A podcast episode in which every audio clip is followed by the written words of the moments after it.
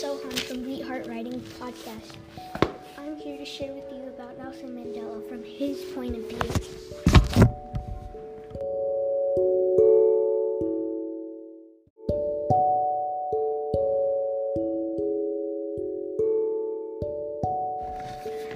I am Nelson Mandela.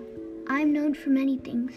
I was the president of South Africa for five years, a protester, and most importantly, the end to apartheid. First of all, I was born on July 18, 1918, but life wasn't easy then.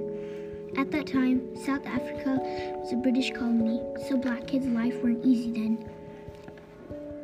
We were treated unfairly, and protesters would often go to jail.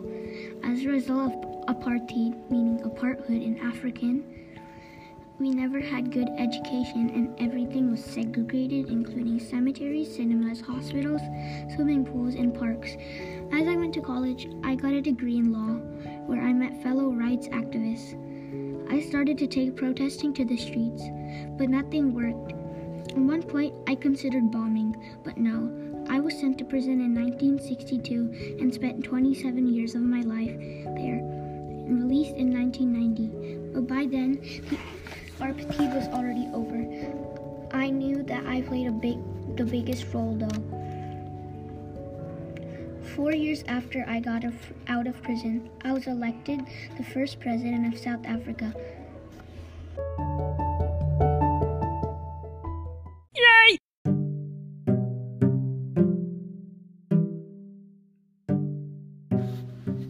I've served my country for five years. I gave many speeches about equality and racism.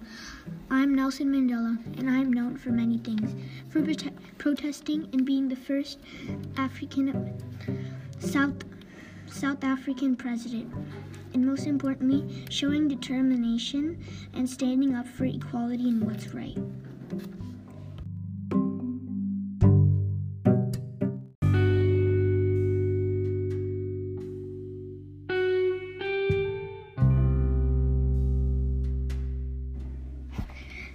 As you can see, Nelson Mandela stood up for what was right and was determined for equality.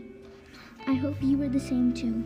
Thank you for enjoying some some information about Nelson Mandela with me. We Heart Writing Podcast out.